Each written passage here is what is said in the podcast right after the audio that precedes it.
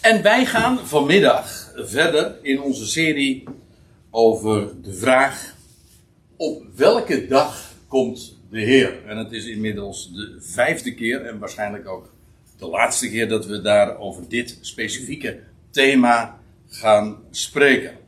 En dit keer heb ik het als ondertitel Als een dief in de nacht.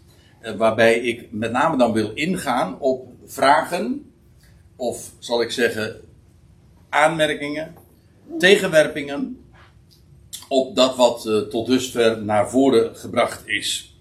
Ik vind ook dat eh, moet serieus genomen worden, nietwaar? Laat ik eerst even voor het gemak terugblikken. Dat is eh, handig voor iedereen, lijkt mij, als je een serie geeft.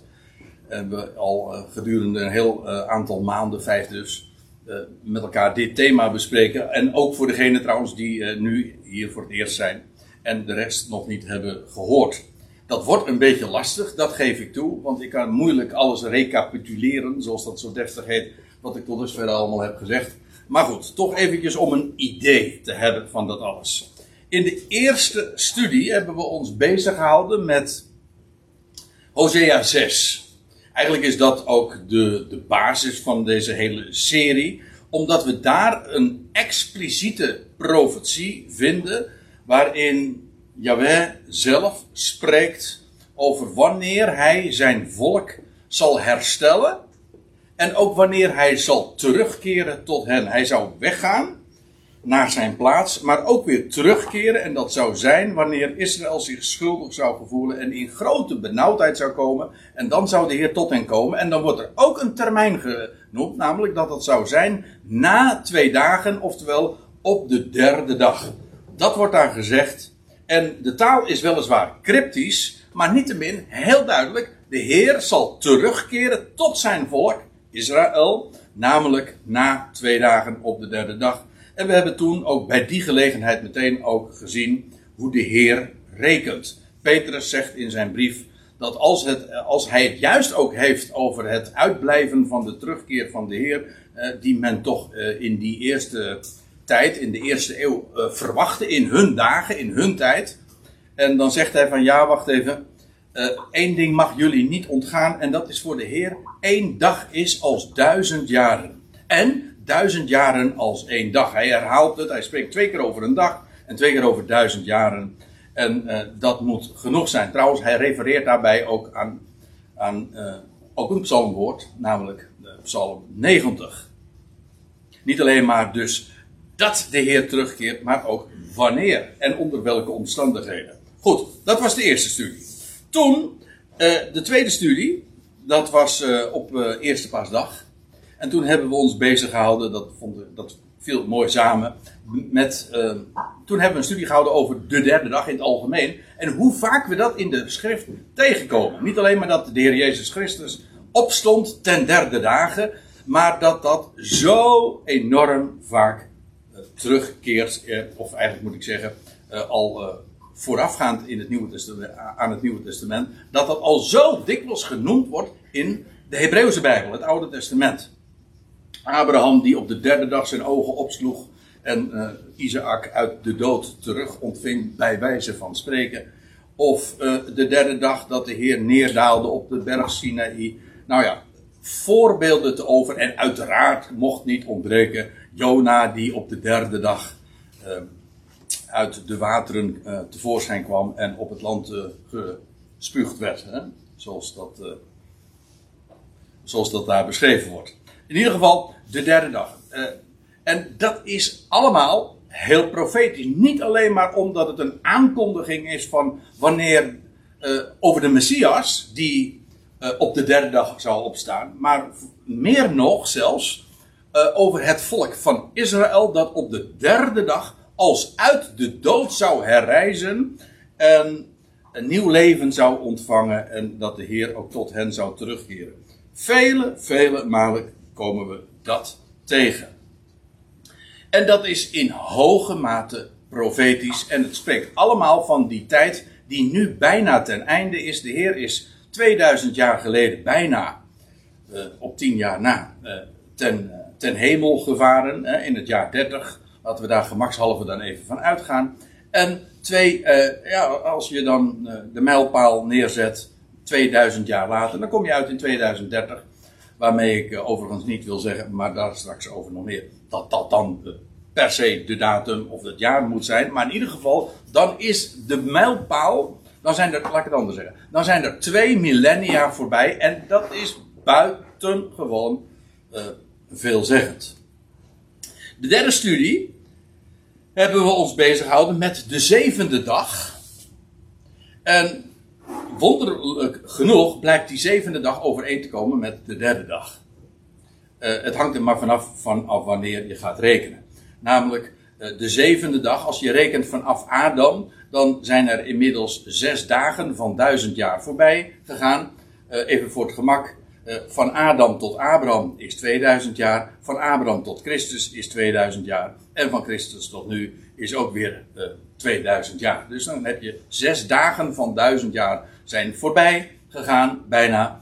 En dan betekent dus dat de zevende dag, de Shabbat, de grote Sabbatdag waarin de Heer zal rusten van zijn, van zijn in en van zijn schepping, uh, dan, die gaat dan aanbreken. De grote Sabbat, maar dat blijkt dus ook de, overeen te komen met de derde dag, namelijk de derde dag sinds het heengaan van de Heer 2000 jaar geleden vanaf de Olijfberg.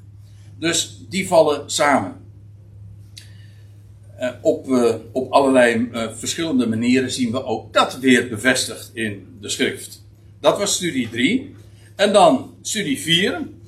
ja, dat was de laatste keer dus. De vorige keer hebben we ons toen even bezig gehouden met de vraag: met, ja, wat dat nou in de praktijk betekent. Uh, wanneer is dat nou uitgerekend? En toen hebben we verschillende scenario's eigenlijk uh, bedacht en voorgehouden. Wat dat betekent. Na twee dagen is dat precies na twee dagen. En wat betekent dat dan? Of is dat ongeveer of exact na? Nou ja, er zijn verschillende scenario's denkbaar. en die hebben we zo voor, voor het voetlicht gebracht. Maar één ding is daarbij wel duidelijk geworden, lijkt mij. En dat is dat het zo veelzeggend is. Dat die twee millennia bijna ten einde zijn. En ongeacht de vraag of dat precies inderdaad in 2030 is dat de Heer zal terugkeren voor zijn volk Israël. Wat heel goed zou kunnen, maar goed. Daar is, wat, uh, daar is uh, veel voor te zeggen. En, maar we hebben andere mogelijkheden ook overwogen. Dus uh, we leggen ons nergens op vast. Maar het is goed, dat wel, om daar zeer alert op te wezen. En wakker te zijn. En dat brengt ons eigenlijk als uh, vanzelf bij uh, deze laatste studie. En ik, bij een andere gelegenheid beloof ik nog eens terug te komen op een andere vraag. Ja, je zou kunnen zeggen, dat zou studie 6 kunnen worden, maar dat, weet ik even nog niet. Uh, een vraag die toen, de vorige keer ook al even voor het voor de, in, in, de, in de aandacht kwam. En dat is, uh, klopt onze jaarrekening eigenlijk wel? Is het inderdaad uh, nu 2021? Of ligt dat toch even anders? Nou, die vraag skip ik eventjes met opzet. Maar bij een andere gelegenheid komen we daar wellicht nog eens op terug. Ik geloof niet dat ik dat dus de volgende keer ga doen. Ik, ik zie nog even. En dat betekent dus dat we nu in deze vijfde studie uh, is aandacht moeten gaan geven. En ik heb dat, de vorige, ik heb dat bij de eerste keer al gezegd. Dat gaan we ook zeker doen. Namelijk, uh, hoe zit dat bij de, de, de gangbare tegenwerpingen? Die tegen de studies die ik eigenlijk hierover heb gegeven ingebracht worden. Want laat ik wel, laten we ons goed realiseren dat als je gewoon in de christelijke wereld in het algemeen zegt: wij leven nu in 2020. Een, uh, in de buik. Goh, uh, je, dat gaat heel snel. Ja. Ik, ik moest nou echt even nadenken van wat is nou weer? Ja, 2021, ja. Ja, ik ben niet zo heel erg bij de tijd. Ja. Sommige, sommige mensen lopen wat achter. Een beetje achterlijk. Maar goed, um, goed 2021. Um, ehm, als, je, als je zulke dingen naar voren brengt, dan zeggen ze, dat mag je nooit zeggen. Want de Heer heeft toch gezegd dat hij komt als een dief in de nacht. Dat weet je nou helemaal niet. En denk jij nou te weten wanneer de Heer komt, terwijl hij ooit zelf op aarde verklaarde: van die dag weet niemand, zelfs de zoon des mensen in de hemel niet, maar de Vader alleen. Dus eh, wat, wat zitten jullie hier nou uren uh, of uh, maandenlang studies te houden over, over dit onderwerp? Je, kan, je had kunnen zeggen van, had je eigenlijk niet met die bezwaren moeten beginnen? nee, ik heb ze expres eventjes bewaard voor het laatst. Ja. Ja, dus de, deze tegenwerping, of een tegenwerping, eigenlijk, uh, ik wil het de, alle, alle credits geven, want het is namelijk een bijbels bezwaar. Als je zegt van, de Heer komt op de derde dag, maar de Heer had toch gezegd van die dag weet niemand. En waar, waar zegt hij dat dan? Nou, in Matthäus 24, dat is de bekendste versie dan. Je zou hem ook uit uh, Marcus en Lucas kunnen ontlenen, maar Matthäus 24 is veruit de bekendste. Ik denk ook dat het afdoende is om het daaruit te bespreken. Nou, laten we eens naar dat vers toe gaan, of naar die versen. En dan begin ik te lezen in vers 34, dat de Heer Jezus zegt, en weet, weergave is wat uh, letterlijk. en dan zegt hij, u weet het, hè, dit was de reden die de Heer Jezus gehouden heeft op de, olijf, op de olijfberg. Enkele dagen voordat hij uh, gekruisigd zou worden en zou opstaan, trouwens, als u mij vraagt, ook op de olijfberg. En, en, hij houdt een reden over de voleinding van deze aion. Hè.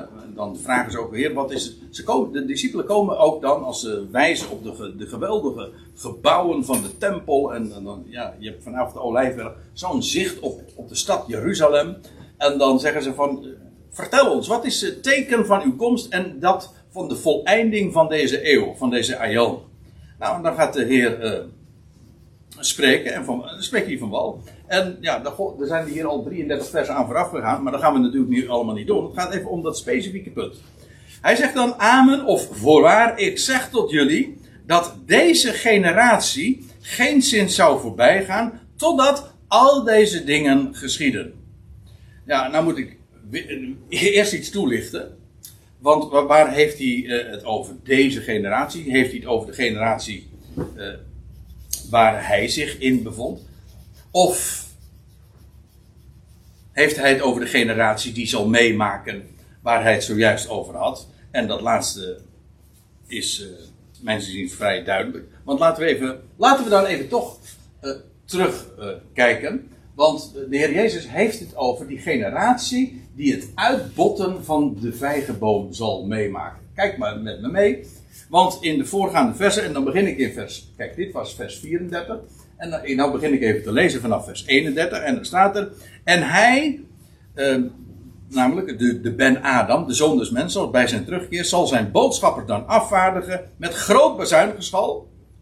En ze zullen zijn uitverkorenen, dat wil zeggen het uitverkoren volk, bijeen vergaderen vanuit de vier winden, vanaf de uiteinden van de hemel tot aan de andere uiteinden van hen.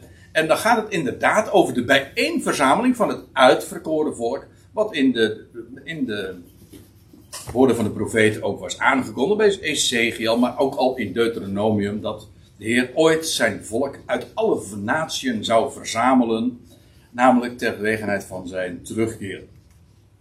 En dan staat er ook, als, die, als dat volk is teruggekeerd, ik moet er ook bij zeggen, er staat, eh, want ja, maar goed, dat is in vers 30.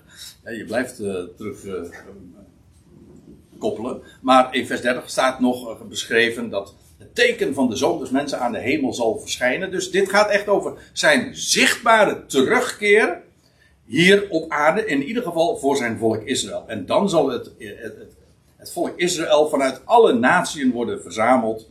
En ze zullen, en oh, dat staat er ook nog bij, en ze zullen, ze zullen hem zien. Dus het gaat over zijn zichtbare terugkeer daar bij uh, Jeruzalem. Ook weer overigens op dezelfde locatie. Hij zijn voeten zouden staan op de olijfberg die voor Jeruzalem ligt.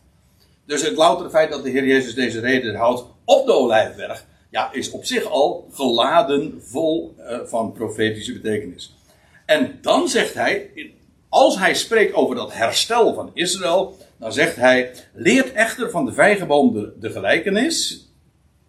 Wanneer ook maar haar takken sappig zacht worden en de, zacht wordt en de bladeren uitspruiten, dan weten jullie dat de zomer nabij is. Kijk, dat uh, de vijgenboom in het algemeen, dat geldt trouwens voor de olijfboom ook in iets andere zin, maar de vijgenboom is een type van Israël als natie. Dus er zijn heel wat voorbeelden van te geven, maar uh, die, dat, die vijgenboom zal weer uh, zal gaan uitbotten. Een levende, een levende natie worden. Zal uitbotten. Dat is die bijeenverzameling van Israël. Israël zal nieuw leven ontvangen. Ja, dat is ook die opstanding uit de doden. Dat is dat uitbotten. En als dat zal gebeuren, dan is Israël hersteld. Maar dat wil nog niet zeggen dat alle volkeren meteen al onderworpen zijn. Dat het Messiaanse Rijk uh, wereldwijd zal aanbreken. Nee, dat zal wel in die generatie plaatsvinden. Maar daar gaat nog tijd overheen. Eerst komt de Heer terug voor Israël. Ja, wat ik nu zeg, dat is allemaal zo verschrikkelijk onbekend. Maar ja, het is toch elementair. In ieder geval, Israël uh, zal worden hersteld. De Heer zal zijn, zijn plaats innemen in Jeruzalem. Zijn koninkrijk vestigen. En dan ook wereldwijd uitbreiden. Vanaf zijn troon gaat hij zijn koninkrijk vestigen. En dat zal allemaal in die generatie gaan plaatsvinden. Binnen één generatie. En uh, dat zal. Uh, dus als de vijgenboom uitspruit, ja, dan weten jullie dat de zomer, het Messiaanse Rijk, dat wereldwijd zal aanvangen, die zevende dag, dat is nabij. Zo ook, wanneer jullie ook maar al deze dingen vernemen, dan weten jullie dat het nabij is. Voor de deur. Ja. Oké, nou, dus dan weten we, uh, over die generatie zal geen zin voorbij gaan. En dan staat, zegt de Heer nog bij, de hemel en de aarde die zal voorbij gaan deze hemel en de, uh, deze aarde. Er komt een nieuwe hemel en een nieuwe aarde. En, maar mijn woorden zullen geen zins voorbij gaan. Aangaande echter die dag en uur. Ja, welke dag? Nou, hij had het toch over die dag dat de zomer aanbreekt. Als je weet één ding, dat als de vijgenboom uitbot, ja, dat is dat de zomer nabij is. Wanneer? Nou, nabij. Maar hoe nabij? Wanneer het precies van die, die dag en die uur? Uh, ja, dat weet niemand. Dan moet ik er even bij zeggen. De Heer zegt dus niet uh, dat, uh, dat. Dat kan nooit iemand weten. Dat is iets heel anders. Hij zegt. Dat weet Niemand. Op dit moment namelijk. Er komt een moment ja, dat deze dingen zich gaan uitrollen. Dat daar kennis uh, over vermeerderd zal worden. Kijk, dat is, is vrij logisch. Kijk, in, je leest uh, in Handelingen 1. Dat, dat is trouwens ook weer op de Olijfberg. Dat is vlak voordat de Heer ten hemel vaart. Dan staat er dat de, zijn discipelen, die kwamen tot hem en dan vragen ze, Heer, herstelt u in deze tijd het koninkrijk voor Israël? Die verwachting was er. En men dacht ook dat het in die generatie allemaal zou gaan plaatsvinden. Maar het, was, het is niet voorzegd. Het was in feite ook de prediking, hè, die de twaalf, als komt tot bekering, als jullie tot bekering komen, dan zal de, dan zal de, de Messias terugkeren en zijn koninkrijk vestigen. Ja, maar zou het ook daadwerkelijk gaan gebeuren? Herstelt u het koninkrijk in deze tijd? En dan geeft de Heer een ontwijkend antwoord. Dan zegt hij ook van, het is niet uw zaak de, de, de tijden en gelegenheden te weten die de Vader aan zich voorbehouden heeft. Ik zeg het nu even met mijn eigen woorden. En dan zegt hij, maar ga, ga, de, ga erop uit, jullie zullen mijn getuigen zijn. Hier in Jeruzalem, Judea, Samaria, van de uiterste van het land. Maar in het begin van de handelingentijd wisten ze het niet. Kijk, de vraag was: herstelt u het in deze tijd? En de Heer zegt: Nou, het komt u niet toe te weten. Later, helemaal aan het einde van het boek Handelingen, toen wisten ze het. Niet, namelijk, dat was niet in die tijd. Dan lees je dus dat Israël uitdrukkelijk niet tot bekering komt. En dan lees je ook dat Paulus eigenlijk het boek Handelingen officieel afsluit met hij zegt van ja, tegen de Joodse leiders van uh, God heeft jullie ogen gegeven om niet te zien, oren om niet te horen en jullie hart is verhard. Dat is de situatie. het, het, het, eh, het antwoord is dus eigenlijk: in deze tijd zal het koninkrijk niet worden hersteld. Dus wat aan het begin nog onbekend was en ze ook niet mochten weten, dat is pakweg 30, 40 jaar later wel bekend, namelijk niet in die tijd. Dus bepaalde dingen die in aanvang onbekend waren, werden in de loop der tijd vanzelf duidelijker. Doordat de informatie toenam, de situatie wijzigde zich in feite ook. Doordat Israël opnieuw het evangelie afwezen, de opgestane Messias, etc. Dus eh, wat ik eigenlijk dit wil, eh, hiermee wil zeggen is, eh, je moet hier niet meer in lezen, niet minder, maar ook niet meer in lezen dan er staat. De Heer zegt, aangaande die dag en die uur weet niemand. Op dat moment kon de Heer hier geen informatie over verstrekken. Hij zegt, ook de boodschappers van de hemelen, dat wil zeggen de engelen in de hemel, die weten dat niet. Hij zegt, en ook de zoon niet. Hij zelf wist dit niet. Dit is een groot probleem voor mensen uh, in verband met de, de, leer van de drie-eenheid. Want hoe dat nou, dat de, dat de zoon dat niet weet?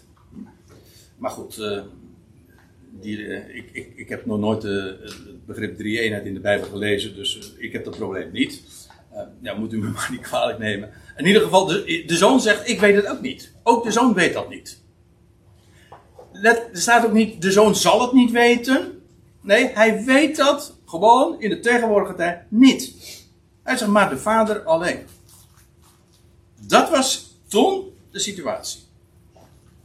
Dat verzin ik niet, het, staat, het is gewoon wat er staat. Nou, dat is één ding. Uh, we lezen, we, uh, nee, we bladeren niet door, want het is gewoon hetzelfde hoofdstuk.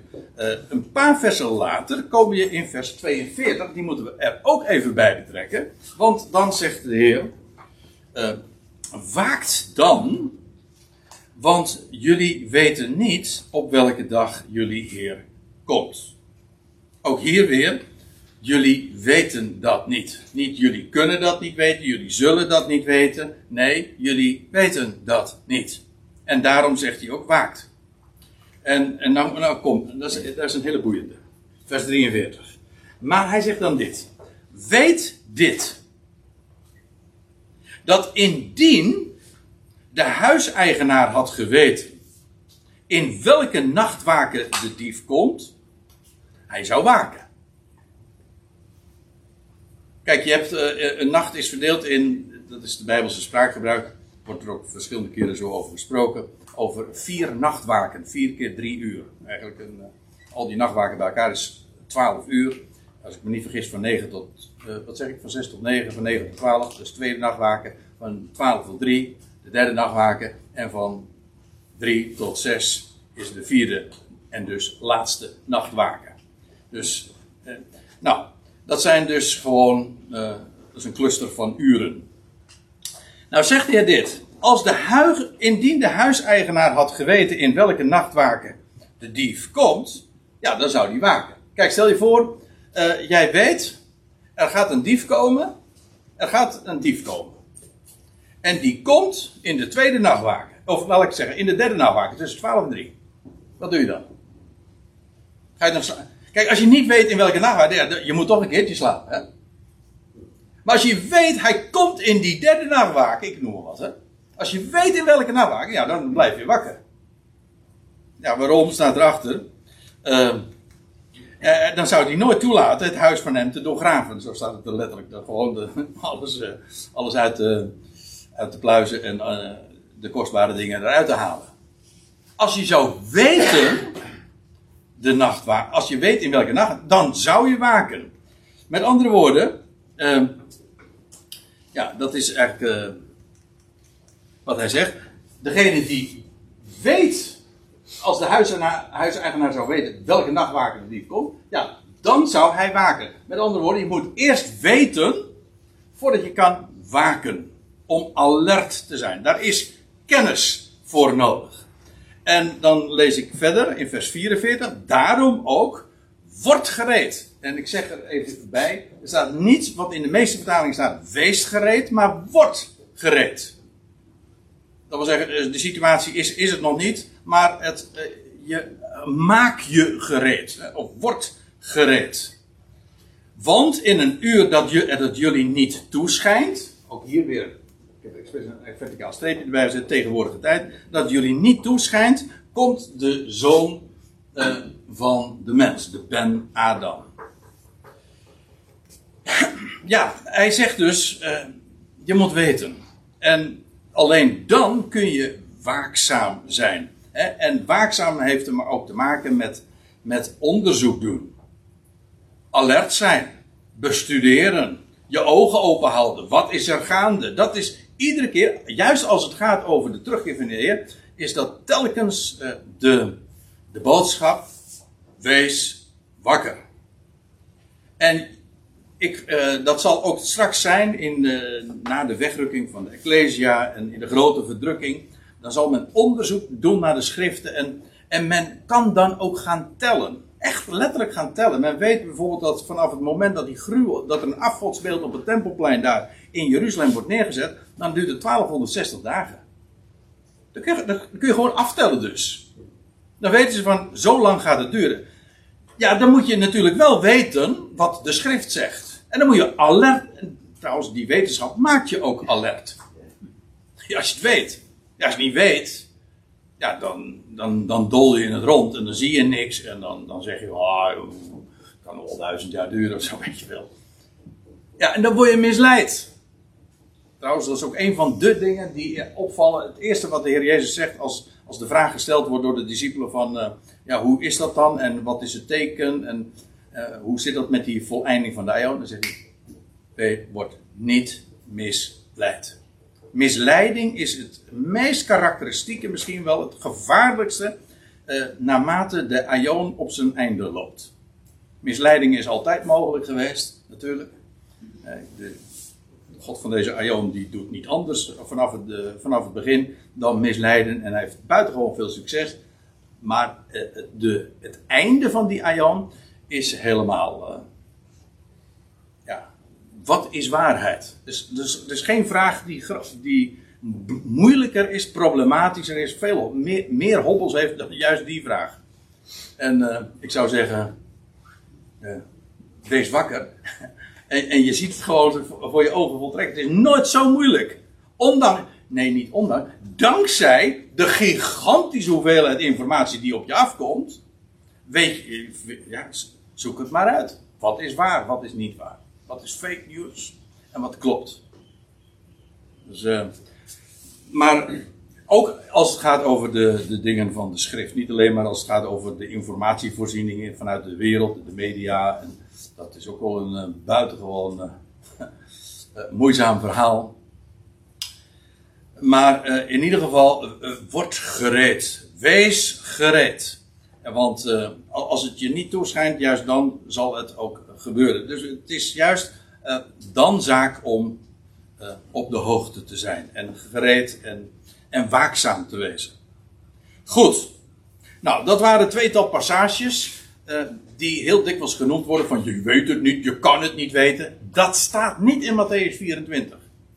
Dat is het eerste wat ik eigenlijk gezegd wil hebben. Dus de samenvatting van wat ik tot dusver heb gezegd. Uh, dat staat die tegenwerping van je kunt het niet weten. Nee, je leest ook trouwens in Daniel 12, lees het maar, kijk het maar eens na, dat in de tijd van het einde dat velen onderzoek zullen doen en de kennis, juist ook aangaande het profetisch woord, zal toenemen zodat men inderdaad uh, weet. En, en er vinden updates plaats. En naarmate de, dingen, de tijd voortschrijdt, worden dingen bekend. Zoals dat boek in, de, in het boek Handelingen ook het geval was. Dingen aan het einde van het boek Handelingen waren helder, die in het, aan het begin van het boek Handelingen nog niet helder waren. Dat is logisch. Achteraf weet ik ook altijd veel meer dan vooraf. Voorschrijdend inzicht. Ja, en hoe zei iemand dat ook weer? Uh, voorspellen is heel erg lastig, vooral als het over de toekomst gaat. Hè? ja. Maar wat, eh, wat het weer gisteren was, kan ik heel goed verzeggen hoor. Ja, maar morgen wordt het een probleem. Ja. Goed, nou, en nu komen we bij nog een andere passage. En dat is 1 Thessalonica 5. Dat is echt meer het uh, gebied wat voor ons denk ik ook van belang is. Dat is wat Paulus daarover zegt. En u weet, we zijn uh, erg Paulus georiënteerd. Met reden, lijkt mij. Goed. hij had zojuist in het voorafgaande, in 1 Thessalonica 4, gesproken over de terugkeer van de Heer. En de, ja, de parousia en dat eh, de, leven, en de, de levenden de doden zeker niet zouden voorafgaan. Uh, maar dat de doden zouden worden opgewekt, de levenden tezamen met hen de in wolken de Heer tegemoet zouden gaan. Nou ja, en dat, die dingen had hij naar voren gebracht. En dan zegt hij in hoofdstuk 5, vers 1, laat ik even ter zake blijven. Maar omtrent de tijden en de gelegenheden, broeders, is het niet nodig dat jullie geschreven wordt. De tijden en gelegenheden in verband namelijk met Christus parousia, zijn aanwezigheid. Zijn, ja, meestal wordt dat vertaald met uh, zijn, uh, zijn komst, maar eigenlijk is het zijn aanwezigheid. Parousia betekent presentie. En ja, hij zegt jullie hoe, hij zegt uh, over die tijden en, en niet alleen maar wanneer, maar ook hoe en dus bij welke gelegenheid dat zal zijn. Het is niet nodig dat jullie geschreven wordt. Hoezo niet? Want jullie weten zelf nauwkeurig dat de dag van de Heer zo komt als een dief in de nacht. Aha, daar hebben we hem. En meestal zegt men van, zie je, uh, dat kun je niet weten, want hij komt als een dief in de nacht. Nou, dan heb ik er nog een hele goede voor u. En dat is uh, heel simpel. En dan hoef je deze Bijbelstudie niet eens te volgen. Lees gewoon even 2, 3, 4 versen door. En uh, het probleem is als sneeuw voor de zon verdwenen. Nou, nou kunt u zeggen van, nou, oké, okay, dag André, dan gaan we, gaan we nu van hier. Maar ik wil toch graag nog een paar dingetjes uh, ter toelichting erbij zeggen. Uh, eerst even dit. Hij zegt, jullie weten, dat is, dat is wat hij over die Thessalonicers zegt, jullie weten zelf nauwkeurig dat de dag van de Heer zo komt als een dief in de nacht. Die dag van de Heer, ja, dat is wanneer uh, hij present zal zijn. Hè? De, de dag die aanvangt bij Christus Parousia. Wanneer begint die dag? Ja, dat is een, een lastige. Hè? Dat is, is, echt een lastige in zekere zin. Want je kunt daar niet een tijdstip aan koppelen. Want bij de een, of voor de een, komt die dag eerder dan voor de ander. Hè? Voor de Ecclesia, tegen Christus, komt die, uh, begint die parousia al bij de wegrukking. Dan zal hij, hij present zijn. Maar voor Israël pas na de verdrukking. Dat is dus in ieder geval 3,5 jaar later. Dus later. En zo gek, wat ik nu zeg, is in feite helemaal niet zo gek. Want uh, we kennen allemaal het fenomeen. Uh, als ik zeg van ja, wanneer, uh, wanneer wordt het dag? Wanneer, wanneer wordt het dag? Nou, in, in Nederland eerder dan in de Verenigde Staten. En dat speelt, dat speelt pakweg 8 uur of 12 uur zelfs. En dat heeft. Dus op het moment dat het licht wordt, dat de zon. Ja, dat is leuk hè. Dat de zon verschijnt, ja, dan wordt het dag. Ja, maar de zon zal eerder voor ons verschijnen, als u begrijpt. De zon zal eerder voor ons verschijnen. En dat pas uh, enige tijd later voor Israël. En trouwens nog weer later feitelijk voor de volkeren. Dus je kunt niet een, een tijdstip daaraan koppelen. Je kunt zeggen, die dag komt als de zon verschijnt. De zon schijnt. Ja. Maar dat, uh, dat zal voor de ene groep eerder zijn dan voor de andere. Dus je hebt, je hebt daar ja, verschillende tijdstippen, piketpaaltjes die je daar neer kunt zetten. Goed, uh, zijn we daar, die Thessalonicus die wisten hoe dat zat. In ieder geval ook dat hij zo zou komen als een dief in de nacht. Want terwijl zij zeggen, terwijl zij zeggen vrede en zekerheid. Ja, want voordat er verdrukking gaat komen, zal er eerst een periode zijn van vrede en zekerheid. Hoe zegt de, de in de MBG-vertaling zegt vrede en rust. En wat zegt de Statenvertaling? Vrede en geen gevaar, geloof ik? Veiligheid. Ja? Veiligheid. Vrede en veiligheid, oké. Okay. Ja, nou ja, het, zijn allemaal associaties die uh, dicht bij elkaar liggen. Zekerheid, en dan is er veiligheid, dan is er geen gevaar. Maar in ieder geval van vrede. Inderdaad, en ook dat weten we vanuit, dat is volledig conform de rest van het profetisch woord. Eerst krijgen we namelijk, voordat dat hele, dat, dat eschaton zich afrolt, hè, die boekrol van die zegels die geopend worden. Het eerste zegel dat geopend wordt, dat is dat daar een, een wit paard verschijnt. En die erop zit, die heeft een boog. En aan hem werd een lauwe krans gegeven. En hij kwam uit overwinnende om te overwinnen. Je zou zweren dat het de Messias is. Want die komt namelijk ook op een wit paard. Dat is openbaring 19. En eh, hij, deze, deze komt ook met vrede. Dat, hoe weet je dat? Staat dat erbij? Ja. Dat, als je een vers later leest, dan staat er van. En het, dat tweede paard, dat, dat zwarte paard. Uh, die, uh, en de ruiter daarop, die neemt de vrede van de aarde weg. Aha! dan weten we meteen waarom, wat, die, wat dat witte paard doet. Of de ruiter op dat witte paard. Die brengt vrede. Het eerste wat er gaat gebeuren, voordat er een grote verdrukking daar gaat aanbreken, vooral Israël, en dat daar een, uh, een afgodsbeeld op het tempelplein gezet wordt, wat de inleiding feitelijk is voor de grote verdrukking. Voorafgaand daaraan heb je eerst een periode van vrede. Dat men zal zeggen, vrede, geen gevaar. We hebben het er eigenlijk daar al uh, verschillende keren ook bij andere gelegenheden ook over gehad. Namelijk dat uh, de, er zal ook weer een tempel gebouwd worden op het tempelplein in Jeruzalem. Uh, wellicht naast de huidige islamitische heiligdom. In ieder geval, daar komt weer een Joodse eredienst. En daar zal vrede ontstaan in, de, in, in het Midden-Oosten. Er zal een alliantie van tien staten komen. Uh, kortom, uh, dat is allemaal wat nog uh, gaat gebeuren. Dat, dat, tekent zich nu nog niet af. U zegt ja, maar er waren toch al vorig jaar Abrahams akkoorden. En, en dat, dat de gelederen zich in het Midden-Oosten gaan, gaan sluiten. Ja, daar zijn wel tekenen van. Maar er moet toch nog wel wat gebeuren. Ik, ik vind dit zo spannend ook. Uh, om dat vandaag allemaal zo te, mee te maken. En om met in het licht daarvan uh, ja, de krant te lezen. Van, wanneer komt die ruiter op het witte paard? Wie is dat? Of, of is het een beweging? Of is het een ontwikkeling?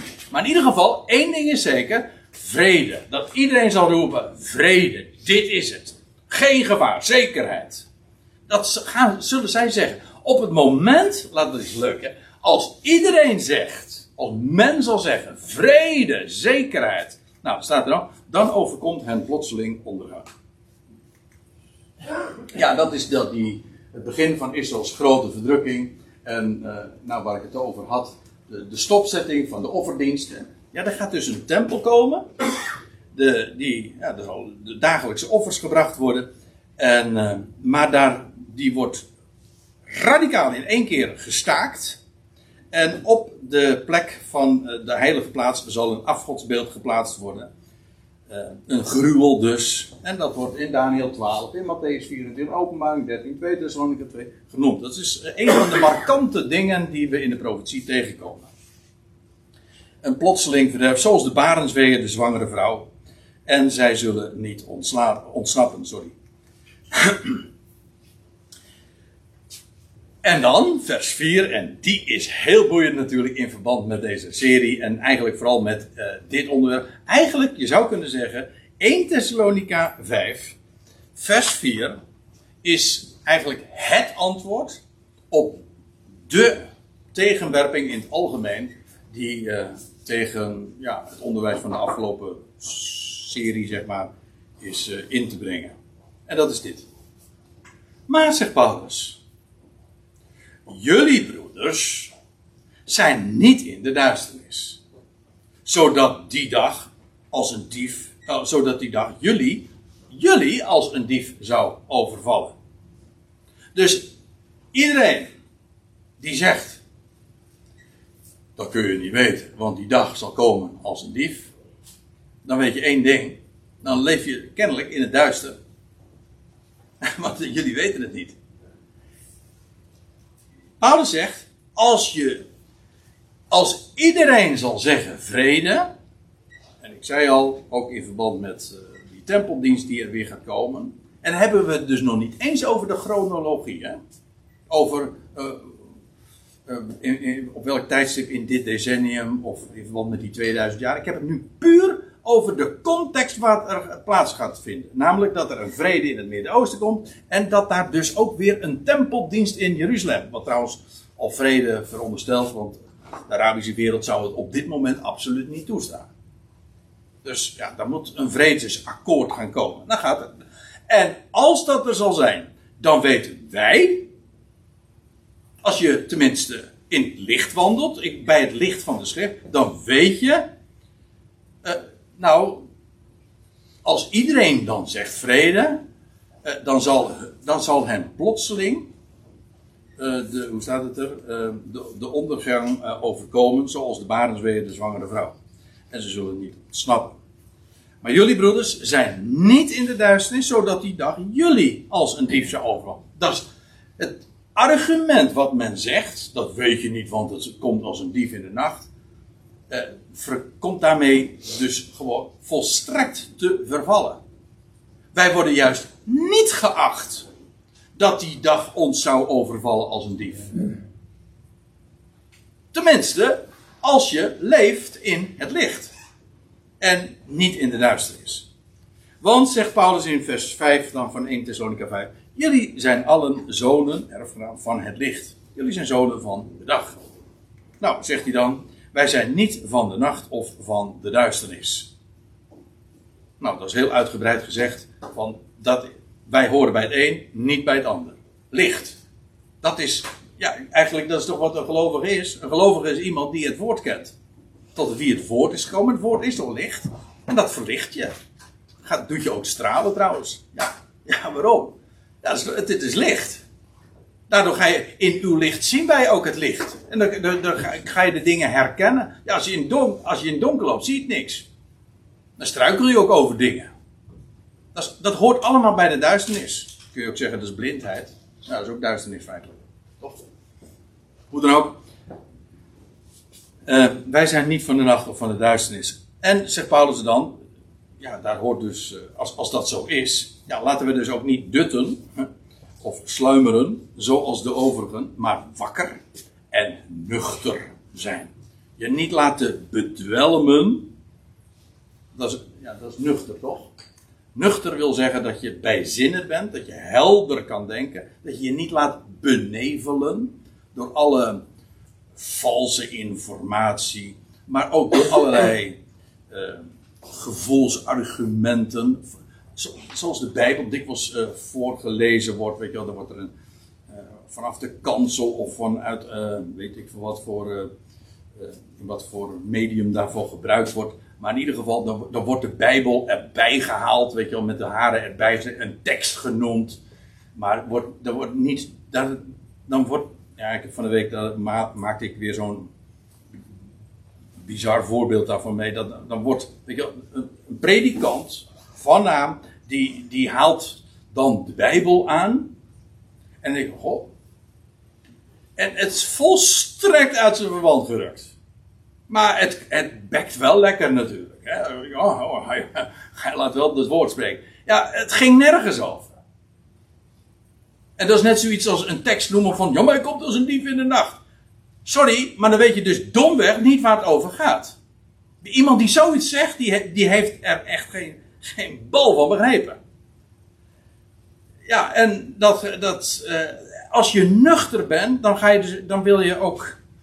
Dan wil je weten, ja, waar staat dat dan? Ik wil eventjes de bonnetjes. Uh, ik wil het wel goed weten, want je wordt, je wordt toch misleid waar je bij staat. Dus uh, waar staat dat gezegd? Die kritische zin is zo belangrijk. Ja, ik geloof dat je dat niet uh, kan overaccentueren in onze dagen. En ik bedoel die kritische zin dus naar iedereen toe. Ik bedoel inclusief mezelf. Ik zeg niet van, ja, je moet iedereen kritisch luisteren behalve naar mij. Maar naar mij nog kritischer. Want weet je wat het punt is? Als het waar is, dan zal het vanzelf blijken. Dan, dan, die waar, de waarheid hoef je ook nooit te verdedigen. De waarheid blijkt vanzelf. Die is de bewijs brengt de waarheid aan het licht. En daarom, die kritische zin is zo belangrijk. Klopt het? En eigenlijk is er maar één ding interessant en dat is, is het waar? En de waarheid, dat is trouwens ook licht.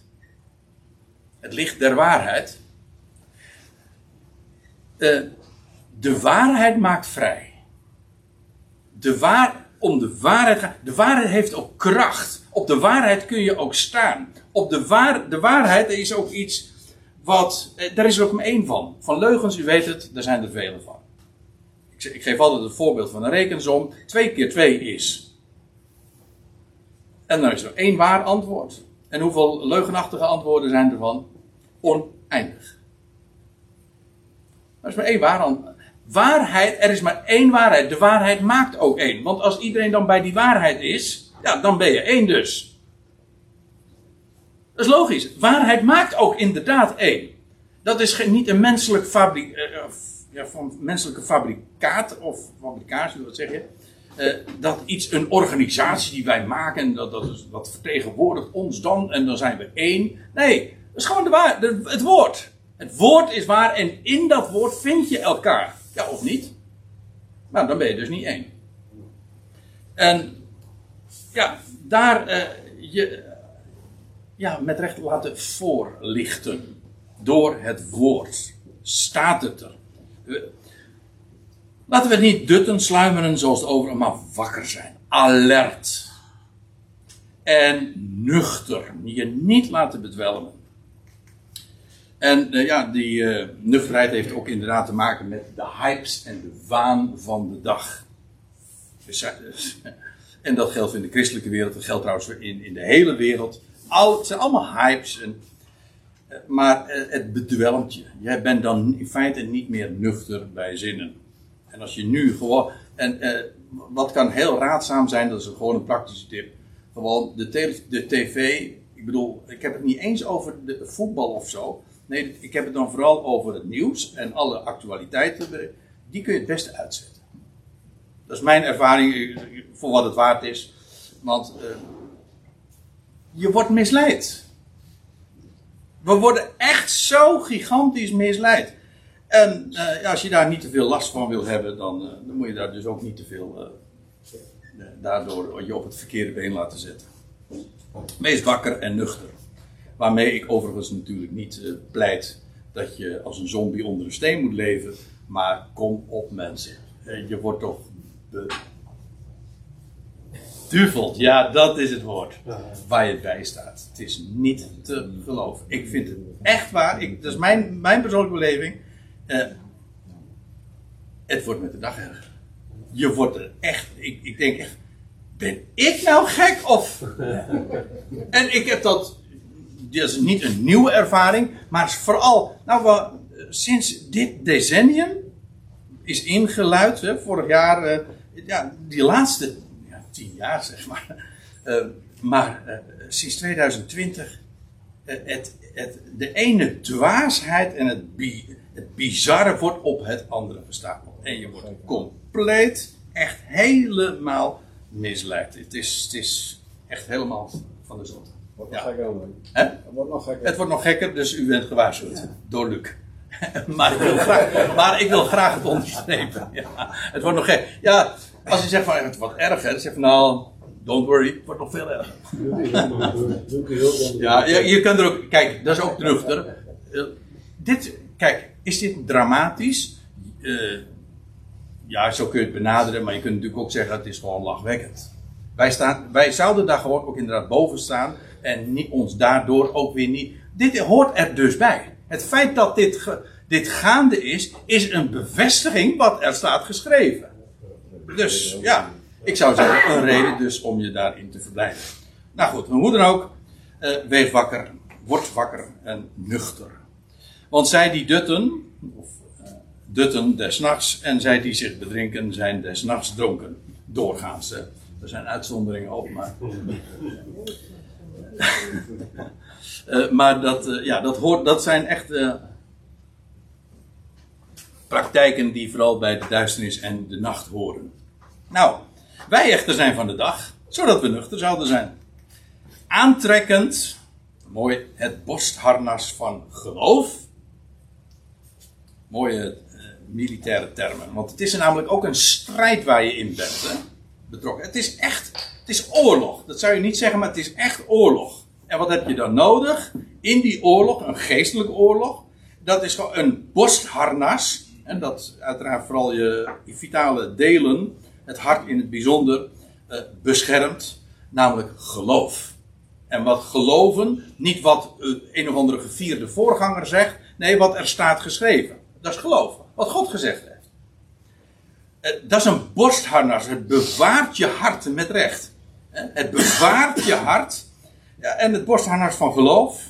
En trouwens ook liefde. Want ja, in dat woord komen we in aanraking met de liefde gods. Waar eh, Lub zojuist over, eh, eh, wat over zei. Over die pijloze liefde van God. Nou ja, kijk, dat is wat een mens beschermt. En wat je ook, wat je er doorheen trekt. Van je weet van, het gaat zoals het gaat. Zoals het is voorzegd. En het is niet vreemd. Het, zo moet het gaan. En God heeft alles perfect in handen. Er gaat niks mis. Dat denken we wel. Maar er gaat niks mis. Nou, dat is die wetenschap. En hij gaat niet alleen maar niks mis. Hij brengt alles tot een fantastisch einde. Voor elk schepsel.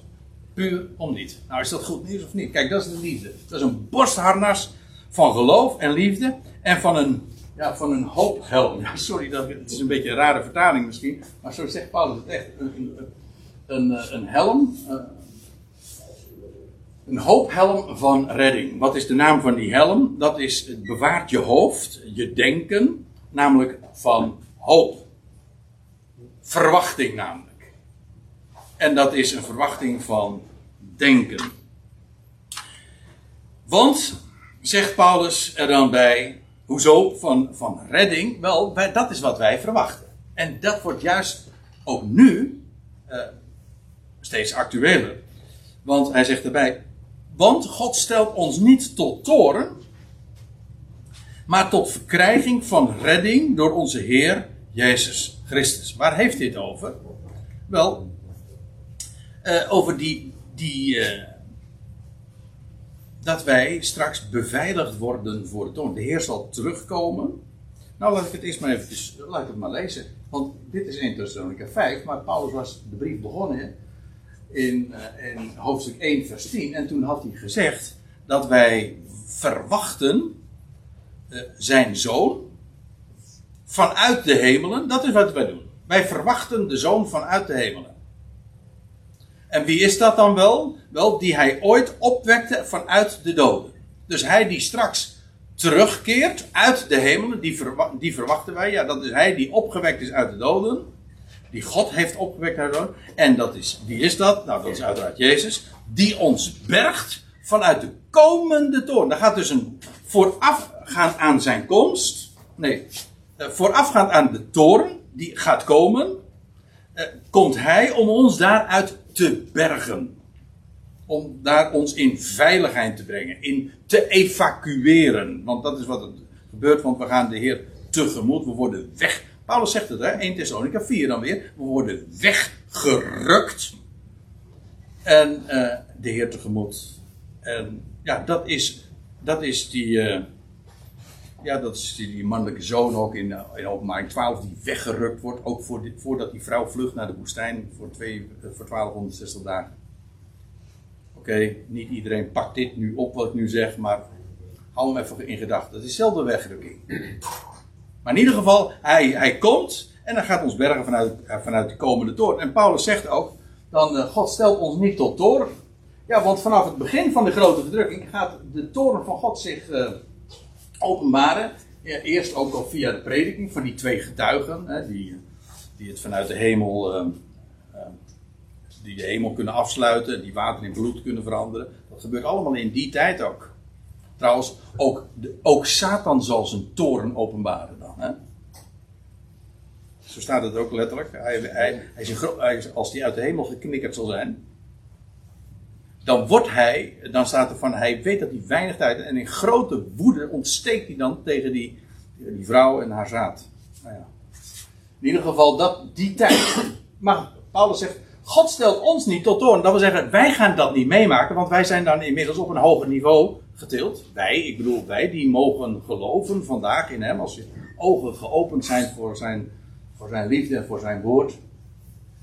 Eh, ja, want hij heeft ons bestemd voor de troon. En daarom, God stelt ons niet tot toren, maar tot verkrijging van redding door onze Heer Jezus Christus. Dat is hij die stierf ten behoeve van ons, opdat wij, het zij wij zouden waken, het zij wij sluimeren, tegelijkertijd samen met hem zouden leven. Ja, want ook als je, kijk, het is zo dat als je hem mag kennen, en ook als zou je slapen of sluimeren, je bent er toch bij hoor. Dat vind ik, dat vind ik wel erg mooi. Het is niet zo van, oh, dan, dan mis ik de trein. Of de, nou, misschien de trein wel, maar de, deze gebeurtenis niet. Nee. Hij zei, het, zei, het zijn we zouden waken, het zijn we zouden slaperen, sluimeren. En tegelijkertijd zouden we dan met hem ook leven. Jongens, dat is wat een dag zal dat zijn. En ik bedoel niet alleen maar dat we dan van die wegrukking, maar ook vooral dat we in onze bediening geplaatst worden. Want we krijgen een plek daar bij de troon. Dat is toch geweldig, hè? Dat je, dat je zo'n uitzicht mag hebben. En, uh, en Paulus zegt daarom ook, juist vanwege die verwachting, daarom bemoedig elkaar en bouwt elkaar op. En Paulus zegt ook van die Thessalonikers, zoals jullie ook doen. Want dit is die verwachting, eigenlijk al 2000 jaar lang. Nu. En ja, wanneer wordt die actueel?